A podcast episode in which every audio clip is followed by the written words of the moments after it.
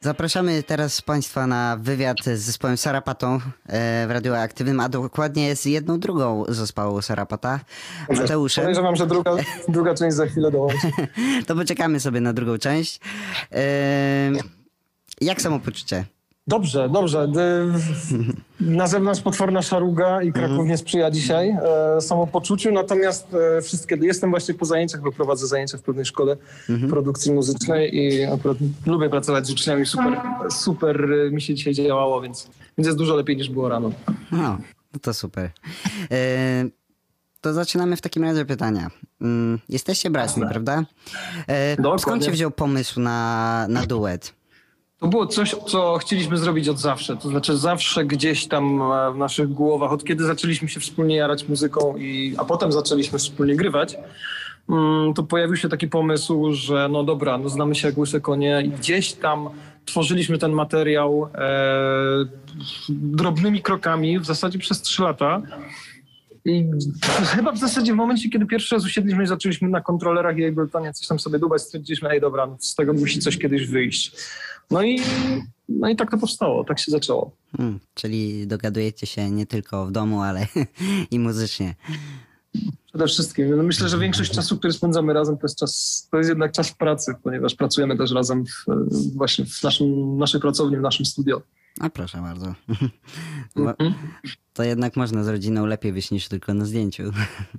Zgadza się, zgadza się, natomiast nie jest to reguła. Nie jest to reguła w naszym, że tak powiem, z tego, co jak rozmawiam sobie z ludźmi i nie wszyscy mają takie dobre relacje z, z rodziną. Ale u was jak najbardziej się to sprawdza. Skąd pomysł na tak oryginalną nazwę Sarapata? Czy ma ona dla was e, znaczenie? Czy to jest nazwisko? Tak, to jest nasze nazwisko. To Mhm. jest, e, to jest o Rzadko tyle... spotykane. Rzadko spotykane, wiesz, e, on z- gdzieś tam z hebrajskiego pochodzi z tego, co kiedyś drążyłem. E, To jest nazwisko, e, to jest nasze wspólne nazwisko, wiesz, jeszcze jakieś 350 osób z tego, co, z tego, co patrzę w Polsce o tym nazwisku, ale działa i stwierdziliśmy, że no, skoro ma być charakterystyczne i ma być rozpoznawalne, to, to niech to będzie właśnie nasze nazwisko. Hmm. Słusznie, bardzo dobre wykorzystanie. Czy macie jasno określoną ścieżkę muzyczną, którą chcielibyście podążać? E, Wiesz co, to co robimy akurat w tym momencie wydaje mi się najbardziej, najbardziej reprezentatywne. To znaczy z jednej strony masz tam bardzo duży taki ładunek, e, taki ciężar e, gatunkowy, to znaczy wiesz, jest to jednak muzyka elektroniczna, ukierunkowana na techno, więc tego, ten ładunek decybelowy jest tam duży. Natomiast ta wrażliwość pewna, która gdzieś w nas drzemie i te takie po- pokłady mm, takiej, tych, tych takich przestrzennych elementów chcieliśmy tam też w tym zawrzeć. Więc ona jest tak, to jest taka muzyka, której jesteś w stanie posłuchać zarówno w, w, wiesz, w klubie o trzeciej w nocy, jak i nie wiem, wspinając się albo siedząc na szczycie góry. Taka była trochę intencja. I ten gatunek, myślę, że tego się będziemy trzymać. To znaczy dużo wzruszeń z jednej strony i też dużo decybeli takich cięższych. Zauważyłem też właśnie po waszych e, teledyskach, że to nie jest tylko muzyka, tak, ale niesiecie przesłanie w klipach. E, Chociażby e, Rework jest takim przekazem z Mateuszem Damińskim, czy, czy Figus.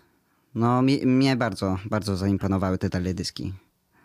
Cieszę się, że to w taki sposób działa. Wiesz, żyjemy też w czasach, w których wydaje mi się, że jak debiutujesz i też wypuszczasz, wypuszczasz muzykę, to nie, musi, to nie może być też tylko muzyka. To znaczy, wiadomo, że ona zawsze się będzie bronić, natomiast jeżeli chcesz szukać i sięgać do, jeżeli chcesz sięgać e, po publiczność, powiedzmy tą taką YouTube'ową, albo chcesz, żeby ta muzyka korespondowała też z czymś innym, no to ten obraz jest bardzo istotny. To zresztą widzisz też na, tele, na pewnie chodzisz na, na koncerty, na, na jakieś tam live'y i wiesz, że no ten aspekt wizualny jest cholernie istotny teraz. No więc na to też staramy się, staramy się stawiać. Nie zawsze jest to tak wielkopowierzchniowa sytuacja, jak w przypadku właśnie klipu z Mateuszem, natomiast no, staramy się, żeby każdy singiel był okraszony też jakimś, jakimś fajnym teledyskiem, pomysłowym przede wszystkim. Mm, Tak, każda piosenka ma jakąś historię, prawda? Chcemy coś przekazać i, Dokładnie, dokładnie. i to jest tak. bardzo, bardzo fajne naniesienie y, dźwięku na obraz y, w tym przypadku. Czy wy macie w ogóle coś do powiedzenia, jeśli chodzi o teledyski? Czy, czy to jest ba- bardziej to zostawiacie dla reżysera? Mm, Wiesz, staramy się współpracować z ludźmi, z którymi nam jest po drodze. Za pierwszym razem była to. Yy, o, mam dziury się dziury w mózgu strasznie. Współpracowaliśmy z Olą Dzikowskim, która zrobiła nam teledysk do Free AM. Natomiast to zawsze jest podobny schemat pod tytułem, że mamy sprawdzoną osobę, z którą mamy bardzo fajny przelot i wiemy, że wpadnie na, na super pomysł. Więc tego się trzymamy, żeby, żeby jednak jak najwięcej kreatywności danej osoby albo jej wkładu właśnie w, ten, w to podejście do muzyki, do naszej muzyki w formie obrazu w tym przypadku wykorzystać. W przypadku właśnie reworka to była Sylwia Rosa, która zrobiła nam, która zrobiła tam też kapitalną robotę. My jej w zasadzie rzuciliśmy tylko temat tego, co chcielibyśmy w teledysku zawrzeć, ona stwierdziła, dobra, to ja się tym zajmę. No a w przypadku, w przypadku z kolei e, Fikusa ostatniego, no to, e, to, to był trochę nasz pomysł, żeby wykorzystać tych rodziców, natomiast za realizację był odpowiedzialny Grzesiu Łach. Też pozdrawiam serdecznie, jeżeli słucha. E, no, tak, e, ale no idea jest taka, żeby jednak dać tym ludziom, nie jesteśmy kontrol freakami i też chcemy, żeby oni dali z siebie, pokazali się od jak najlepszej strony w tych swoich dziełach. No pewnie. Wy widzicie swoją muzykę trochę inaczej, prawda? Z, z takiej bardziej osobistej strony, a ktoś, e, kiedy, zwłaszcza kiedy słyszy po raz pierwszy, zaczyna sobie pewnie interpretować to na swój sposób i widzi ten obraz, tak? I to jest, to jest taki trochę świeży powiew, takie obiektywne spojrzenie, które, które bardzo, mm, bardzo mm, może pomóc e, zobrazować taką muzykę. EP1 to wasz debiutancki album. Co stanowiło motor napędowy do stworzenia pierwszej płyty? Mm, w zasadzie takim największym kopem dla nas to był, to był ten okres pandemiczny. Myślę, że nie jesteśmy tutaj jedyni. Natomiast y, ten materiał, który, który znajduje się na tej płycie, e, siedział może nie w szufladach, ale gdzieś tam pojawiał się między różnymi zleceniami E, tak siedzieliśmy i cały czas w nim dłubaliśmy i mieliśmy takie, no dobra, kiedyś to trzeba po prostu skończyć. I przyszła pandemia, skończyły się, skończyły się jakieś różne sytuacje koncertowe, no przynajmniej zatrzymały się. No i y, odezwała się do nas znajoma, która stwierdziła, że, że zrobi nam wideosesję. Czy byśmy nie chcieli zrobić wideosesji, bo wie, że lubimy coś tam elektronicznie. My stwierdziliśmy, ej dobra, no to to jest ten moment, żeby te utwory w końcu skończyć żeby to wszystko zamknąć, no i w konsekwencji wydać y, płytę. Więc też w międzyczasie udało nam się zebrać fajny team, który pomógł nam w tych wszystkich działaniach. Pomógł nam też, też żeby w tym, żeby ta płyta, Marię Dudek serdecznie pozdrawiam w tym momencie, e, żeby ta płyta miała właśnie jak największy zasięg i te wszystkie wydawnictwa, single, które publikujemy, żeby gdzieś mm, poszły w świat. No i, no i udało się, udało się. Myślę, że to był właśnie taki bodziec, ta, ten okres, okres y, lockdownu, mhm. no, żeby to zamknąć. Trochę się czasu znalazło, prawda, na pewne rzeczy. Zgadza się, zgadza się. Niektórych, niektórych oddaliła ta pandemia, a innych, jak widać, zbliżyła. E, to na, prawda, to prawda. E, na jakiej grupie odbiorców najbardziej wam zależy? Macie taką swoją Wiesz docelową? Co? nie celujemy w konkretne grupy. To znaczy, no wiadomo, że raczej miłośnicy muzyki elektronicznej, natomiast myślę, że spośród tego, co gdzieś tam jesteśmy w stanie sobie wyszukać, e, no to, to sporo fanów alternatywy też się, też się tym materiałem interesuje.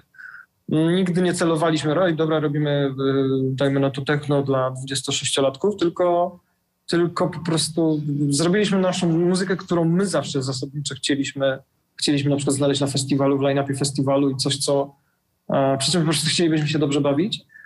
No i, i znaleźli się odbiorcy tej muzyki, co jest, co jest super. Oczywiście cały czas poszerzamy, poszerzamy spektrum e, i odbiorców, i fanów. Staramy się to robić wszelkimi możliwymi sposobami, ale, ale nigdy naszą intencją nie było to, żeby robić po prostu jakiś, jakąś koniunkturalną muzykę dla konkretnej grupy odbiorców. Mm, szczerze powiem, że macie bardzo przyjemny styl. I nie tylko pod względem teledysków, ale też brzmienia, bo e, każdy utwór jest inny i do każdego na pewno trafi, tak? Ja sam jestem przykładem tutaj. Bardziej celuję w muzykę instrumentalną, a wasze utwory bardzo do mnie przemówiły. Także... No, to właśnie bardzo, bardzo mnie to cieszy, bo też poniekąd na to liczyliśmy. Wiesz, ona jest rozbuchana bardzo mocno też w harmoniach, w E, w instrumentarium i, i cieszę się, że, że ci się podoba. Ja również. E, powiedz mi, mm, czy wy jesteście into, i multiinstrumentalistami? Można tak mm, powiedzieć znaczy, o was? Tutaj trochę taki podział obowiązków funkcjonuje, że ja jestem bardziej tych elementów rytmicznych, Mhm. I ja na przykład lubię eksperymentować i lubię dłubać gdzieś tam w brzmieniach. Michał ma taki bardziej ogólny obraz, że tak powiem, big picture. No ale tak, on jest, on e, gra na, na basie, na gitarze, na klawiszach. Tak, więc jego śmiało można nazwać multi-instrumentalistą. Ja, ja bardziej instrumenty perkusyjne y, i powiedzmy samplery, to jest moja bajka. Y, Jak pracowało się wam w ogóle na planie teledysku 3AM yy, Oli Idzikowskiej? Jak wspominacie y, tą pracę? Super, super wspominamy, natomiast no, kostiumy, które przygotowała Marta Sala, e, szyła je bardzo długo, zresztą to widać tam w tym klipie, one są ogromne. Każdy z nich e, sprawia, że masz poczucie, że jakbyś nosił cztery kołdry na sobie. Więc cieszę się, że kręciliśmy je, kiedy na zewnątrz było tak naście stopni, a nie 10, to było lato. Więc super, że e, super, że, że było dosyć chłodno, więc mogliśmy w tym przeżyć po prostu. Natomiast no, frajda była niesamowita. Znaczy jest to obciążające i bardzo trudne granie w swoim teledysku, bo, bo to wymaga bardzo dużej, już nie mówię o kwestiach kondycyjnych, bo trzeba było pobiegać trochę w tych kostiumach, ale w takich y, bardziej, wiesz, y, w tym, że no jednak trzeba się tam stawić, to było dosłownie, no my kręciliśmy ten teledysk od godziny 16 do 6 rano. Cięgiem zrobiliśmy wszystkie zdjęcia w zasadzie jednego dnia i nocy. No ale był, była to super zabawa. To na Można pewno było sobie na potańczyć na środku placu centralnego w Nowej Hucie w Krakowie. można powiedzieć, że zrobiliście taką małą reklamę yy, Krakowa, ale yy, to też takie jest yy, dość niespotykane, kiedy yy, artysta, który tworzy muzykę, występuje też w tym teledysku, bo zauważyłem, że nie każdy chce teraz występować. A, a u was to tak się miesza. Z jednej strony chcecie, chcecie właśnie pokazać e, się też e, widowni, że jednak, że jednak istniejecie, tak? Nie jesteście tylko za tą muzyką. To też jest czasami kwestia, kwestia jakichś tam środków, prawda? No bo nie zawsze jak startujesz, dajmy na to i debiutujesz, no to nie zawsze masz fundusz na to, żeby sobie zatrudnić aktora, kaskadera, kogokolwiek. No czasami po prostu sam ubierasz ten kostium i, i, i jazda, ale to jest fajne. Jeszcze na chwilę wrócę do twórczości muzycznej. Czy planujecie otworzyć się na współpracę z innymi artystami, nie tylko ze sceny techno? Zdecydowanie. Jest plan na tą płytę, którą chcemy wydać jeszcze w tym roku, na drugą płytę, y, jest taki, żeby jednak pozapraszać tym razem sporo gości. Mhm. Więc mamy parę nazwisk. Nie, niestety nie mogę w tym momencie zdradzić szczegółów, natomiast no, będzie to będzie to kilka osób, wydaje mi się, z tego nie tylko elektronicznego środowiska. W takim razie czekamy z niecierpliwością, bo naprawdę wasze utwory są bardzo zachęcające. To bardzo się y, A też ze sceny techno chcielibyście zrobić jakąś kolaborację z kimś? Na pewno. No, wydaje mi się, że na pewno w formie remi- w kwestii remixów e, w kwestii remixów poprosimy kogoś, żeby, żeby tutaj jakiś swój wkład włożył e, w naszą twórczość albo po prostu wywrócił to na lewo. E, więc tak, pomysły są, natomiast jeszcze nie mamy doprecyzowanych, doprecyzowanych nazwisk. Tak na koniec e, chciałbym was, chciałbym ciebie spytać, Mateusz, gdzie można was śledzić oprócz Facebooka? E, oczywiście na wszystkich naszych social mediach, Instagram, e, Facebook, YouTube. e, tak, no i przede wszystkim tam. No i warto śledzić też line-upy festiwali. E, warto śledzić line-upy festiwali, ponieważ Rozłączyło nam Mateusza Sarapatę. no coś, o, coś nas właśnie. przerwało na momencik. Te, technologia nas pożarła. Jestem z powrotem. Tak, tak, właśnie mówiłeś o line-upach, e, line-upach e, Tak, festiwalowych. myślę, że warto śledzić line-upy festiwali, ponieważ może tam być, e, mo, możemy się tam pojawić. Nie, nie, też nie mogę niestety niczego w tym momencie obiecać, ale polecam śledzić nasze social media i tam zawsze, tam zawsze na bieżąco staramy się wrzucać wszystkie informacje o tym, co u nas. E, więc to jest myślę, że najważniejsze źródło informacji o Sarapatach. I my również zachęcamy do śledzenia Sarapaty w mediach społecznościowych, ale także i na różnych festiwalach. E, Naszym gościem aktywacji czwartkowej był Mateusz Sarapata z zespołu Sarapata. Ja dziękuję bardzo za wywiad. Dzięki serdeczne, pozdrawiam wszystkich słuchaczy. Do usłyszenia. Do usłyszenia, cześć.